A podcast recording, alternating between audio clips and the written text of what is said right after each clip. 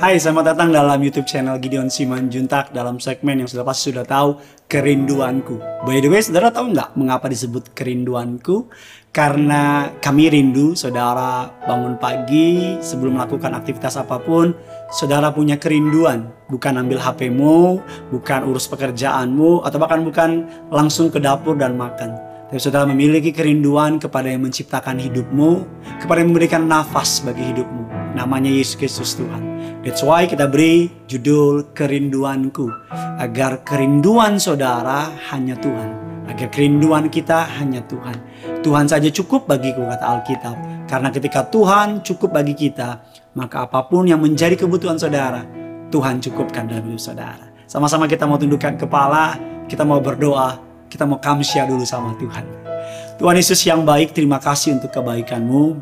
Betul Tuhan, Berikan kerinduan dalam hati kami untuk selalu mencari wajahmu, berdiam di bawah kakimu, menikmati hadiratmu.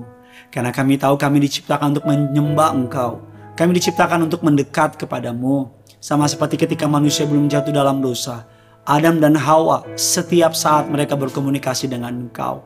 Kami juga rindu memiliki keintiman dengan engkau. Karena engkaulah yang menjadi kekuatan bagi kami. Engkaulah yang menjadi pengharapan bagi kami. Oleh karena itu kami mau merenungkan firman-Mu. Pakai hambamu, lidah bibir perkataannya diurapi dari surga. Setiap mereka yang menonton, hambamu berdoa agar mereka diberkati Tuhan. Hambamu berdoa agar mereka dikuatkan, diteguhkan, disiapkan. Agar sepanjang hari ini, hari berkat, hari musisat, hari anugerah. Di dalam nama Bapa, Putra, dan Roh Kudus. Di dalam nama Tuhan Yesus. Setiap kita yang siap diberkati, sama-sama kita katakan, Amin. Ini kita akan membahas sebuah tema ya lagi-lagi menjadi perenungan bagi saya bersama dengan istri dengan keluarga. Temanya adalah God, where are you? Atau Tuhan, di mana engkau? Kadang-kadang ketika kita sedang sedih, ketika kita sedang marah, ketika kita don't know what to do, ketika keadaan tidak berjalan semau kita, uh, so sad but true, sedih sekali tapi ini kebenaran bahwa sering kali musim kehidupan tidak sesuai yang kita mau. Seringkali kenyataannya tidak seperti yang kita harapkan. Dan kita suka berteriak, Tuhan di mana engkau? Saya teringat beberapa tahun yang lalu uh, sebagai pelayan Tuhan, sebagai hamba Tuhan, saya punya mobil pertama saudara. mobil pertama dengan hasil tabungan dan saya DP-in dan mobil itu saya pakai untuk melayani Tuhan. Dan tahukah saudara, di suatu pagi ketika saya habis bangun pagi berdoa membaca Alkitab dan perjamuan, saya keluar hendak berangkat melayani Tuhan dan saya lihat mobil saya nggak ada. yang ada cuma ranting yang dipotong dan alarm-alarm yang dipotong sama malingnya. Saya nggak pernah lupa respon saya karena saya keluar, saya lihat mobil saya nggak ada. Saya telepon abang saya berharap dia pakai mobil saya. Abang saya bilang, eh kan punya mobil sendiri? Ya juga ya. Saya tanya orang rumah nggak ada yang tahu. Kuncinya masih saya pegang. Dan saya nggak pernah lupa, saya menatap ke langit dan saya berkata kepada Tuhan, Are you serious God? Ini beneran gak sih gitu? Mengapa Tuhan izinkan diambil maling? Dan mungkin saudara berharap ending yang indah ya, mobilnya kembali, malingnya bertobat. Enggak saudara, mobilnya nggak kembali dan malingnya saya berharap dia bertobat. Tetapi dari pengalaman itu Tuhan mengajarkan saya bahwa hari itu Tuhan bawa saya ke padang gurun. Apa sih padang gurun? Padang gurun adalah momen di mana Allah menjauhkan kita dari dunia dan dia mendekatkan kita kepada dia. Semua orang sebelum dipakai Tuhan, dia akan masuk ke dalam padang gurun yang Tuhan siapkan. Dengar baik saya ulang sekali lagi. Semua orang sebelum Tuhan pakai dia, Tuhan akan bawa dia ke padang gurunnya Tuhan. Dan tahukah saudara Alkitab penuh dengan orang-orang yang masuk ke dalam padang gurun. Padang gurun bukan berarti hanya sekitar tempat yang panas, terik. Tapi padang gurun sering kali adalah tempat di mana engkau seakan-akan gak tahu mau buat apa. Seakan-akan kiri mentok, kanan mentok, atas mentok, semua mentok. Dan seakan-akan kayaknya semua orang menjauh dari engkau. Dan hanya satu-satunya pengharapan hanya Tuhan. Musa dibawa Tuhan 40 tahun di padang gurun. Padahal Tuhan janji sama dia. Kau akan menjadi pembebas bangsa Israel dari pangeran di Mesir, Tuhan bawa 40 tahun di padang gurun. Bahkan Alkitab katakan Daniel mengalami proses padang gurun. Apa? Daniel diizinkan masuk ke goa singa. Tidak ada yang menolong dia. Itu padang gurunnya Daniel. Yusuf masuk ke padang gurun. Apa padang gurun Yusuf? Dijual menjadi budak. difitnah oleh istri Potifar, dipenjara, dilupakan oleh juru minum, dan seterusnya dan seterusnya. Daud banyak mengalami padang gurun. Bahkan dalam sebuah goa Adulam, Daud dikejar-kejar oleh anaknya, Daud dikejar-kejar oleh Saul, Daud dikejar-kejar oleh orang Filistin, banyak sekali yang mengejar Daud. Tapi apa kata Daud? Daud menguatkan kepercayaannya kepada Tuhan. Mungkin hari sudah berkata engkau berada dalam padang gurun. Firman Allah mengatakan demikian. Kita sama-sama buka kebenaran firman Tuhan. Firman Allah mengatakan dalam 1 Petrus 1 ayatnya yang ke-6 dan ke-7 mengatakan, "Bergembiralah akan hal itu." Akan hal itu apa? Akan padang gurun yang Tuhan bawa. Sekalipun sekarang ini kamu harus seketika harus berduka cita oleh berbagai-bagai pencobaan. Maksud semuanya itu ayat yang ketujuh ialah untuk membuktikan kemurnian iman yang jauh lebih tinggi nilainya daripada emas yang fana, yang diuji kemurniannya dengan api, sehingga kamu memperoleh puji-pujian dan kemuliaan dan kehormatan pada hari Yesus Kristus menyatakan dirinya. Bergembiralah pada hari ini. Di padang gurun tidak ada arah, semuanya luksem. Padang gurun mirip seperti laut, semuanya luksem. Di padang gurun there is no shortcut, nggak ada jalan pintas. Ikut Tuhan tidak meniadakan masalah. Ikut Tuhan sering kali banyak masalah. Dan tidak ada jalan pintas ikut Tuhan. Ketika Tuhan proses saudara, dia akan proses engkau. Nah, kita katakan yang ketiga, di padang gurun, there is no place to hide. Tidak ada tempat untuk bersembunyi. Karena Tuhan akan proses saudara. Dia bentuk saudara. Dia dia ubah saudara. Dia pukul saudara. Kita katakan Allah yang memukul. Allah juga yang membalut. Alkitab katakan Raja Daud mengatakan sebuah kalimat yang indah. Lebih baik jatuh ke tangan Tuhan daripada jatuh ke tangan manusia. Karena di tanganmu ada belas kasihan dan pengampunan. Hari ini daripada jatuh ke tangan manusia, ayo bertobat. Jatuh ke tangan Tuhan lebih baik. Datang sama Tuhan, akui dosamu, akui pelanggaranmu. Pada anggur bisa terjadi yang pertama karena kesalahan kita. Yang kedua, kita nggak salah apa-apa. Tiba-tiba seluruh api neraka memproses kita. Jangan komplain ikuti prosesnya. Kita akan belajar hari ini saudara, apa tujuan dari padang gurun? Kan itu pertanyaannya. Catat, yang pertama, tujuan dari padang gurun. To train us, untuk melatih kita. Untuk membentuk karakter dan iman kita.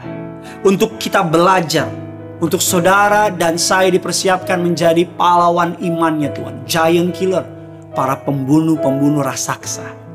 To train us Kadang-kadang dalam setiap ujian, setiap kali ujian, guru berdiam.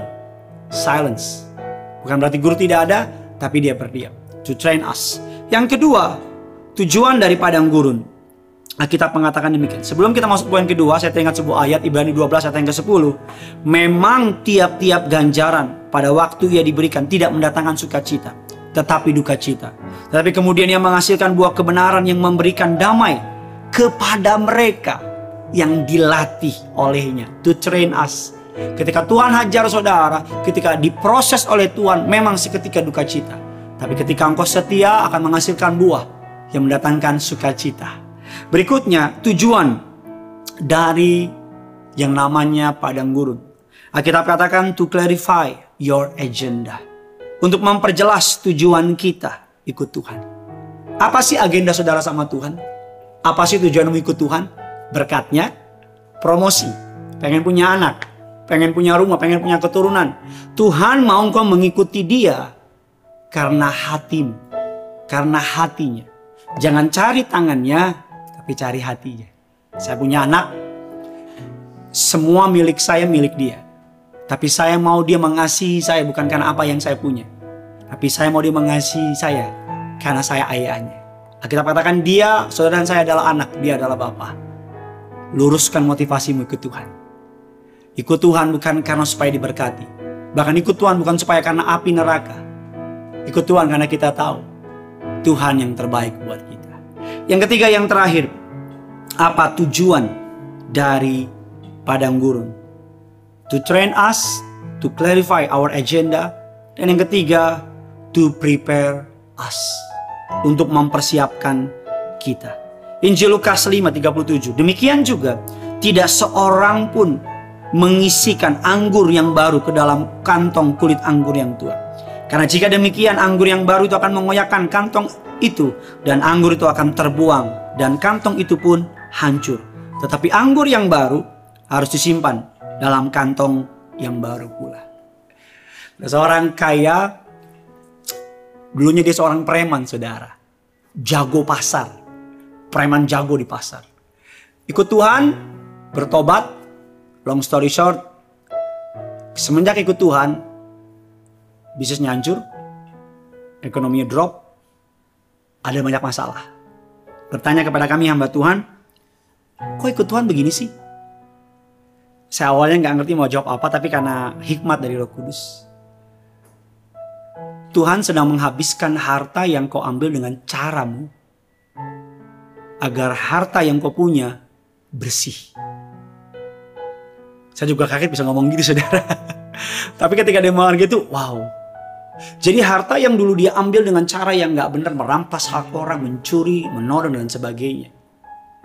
Tuhan habisin. Kadang-kadang harta bukan hanya bicara materi. Kadang-kadang untuk mempersiapkan kita, dia pukul kita. Untuk mempersiapkan kita, dia habisin ego kita. Dia rumet, dihancurin. Rata sama tanah. Apa yang tidak dibangun dengan dasar Kristus akan hancur berantakan. Tapi apa yang dibangun dengan Kristus, ketika sudah rata sama tanah, baru Allah membangun kembali. For His glory untuk kemuliaannya. Saya berdoa, engkau sedang mengalami masa sukar, engkau sedang mengalami masa sulit, engkau sedang berada dalam padang gurunnya Tuhan. Arahkan tanganmu kepada layar kaca saudara. Walaupun waktu kita berbeda, jam kita berbeda, saat kita menonton berbeda, walaupun tempat kita berbeda, saya percaya Tuhan tidak dibatasi waktu dan ruang. Saya berdoa dalam nama Yesus, jadilah kuat, jadilah setia, jadilah beriman, jadilah percaya, Padang gurun tidak menghancurkan kita, tapi padang gurun mempersiapkan kita. Padang gurun untuk saudara dan saya melatih kita, meluruskan agenda saya, dan mempersiapkan saudara dan saya. Saya berdoa imanmu tidak goyah, tidak mundur dari Tuhan, tidak menjadi kecewa. Saya berdoa demi nama Yesus engkau diteguhkan, engkau dikuatkan, dan kemenangan disiapkan dalam setiap kehidupan. Mahkota kemuliaan disiapkan. Alkitab katakan penderitaan-penderitaan kita alami sekarang penderitaan ringan dibanding kemuliaan yang Tuhan siapkan bagi saudara dan saya. Jangan marah, jangan ngeluh, jangan komplain. Karena Tuhan punya rencana yang besar dan luar biasa. Demi nama Yesus, kami berdoa dan mengucap syukur. Bagikan kabar baik ini sebanyak mungkin kepada rekan-rekan saudara. Grup-grup WA, grup-grup Instagram, grup-grup Facebook, bagikan. Agar kabar baik ini nggak stop saudara kabar baik ini terus berlanjut kepada orang-orang yang saudara kenal dan saudara kasihi. Jangan lupa komentar di bawah sini, proses apa yang sudah sedang lewati. Biar kami para hamba Tuhan dan tim dapat berdoa buat saudara. Yang punya surga, crazy love with you. Bye-bye.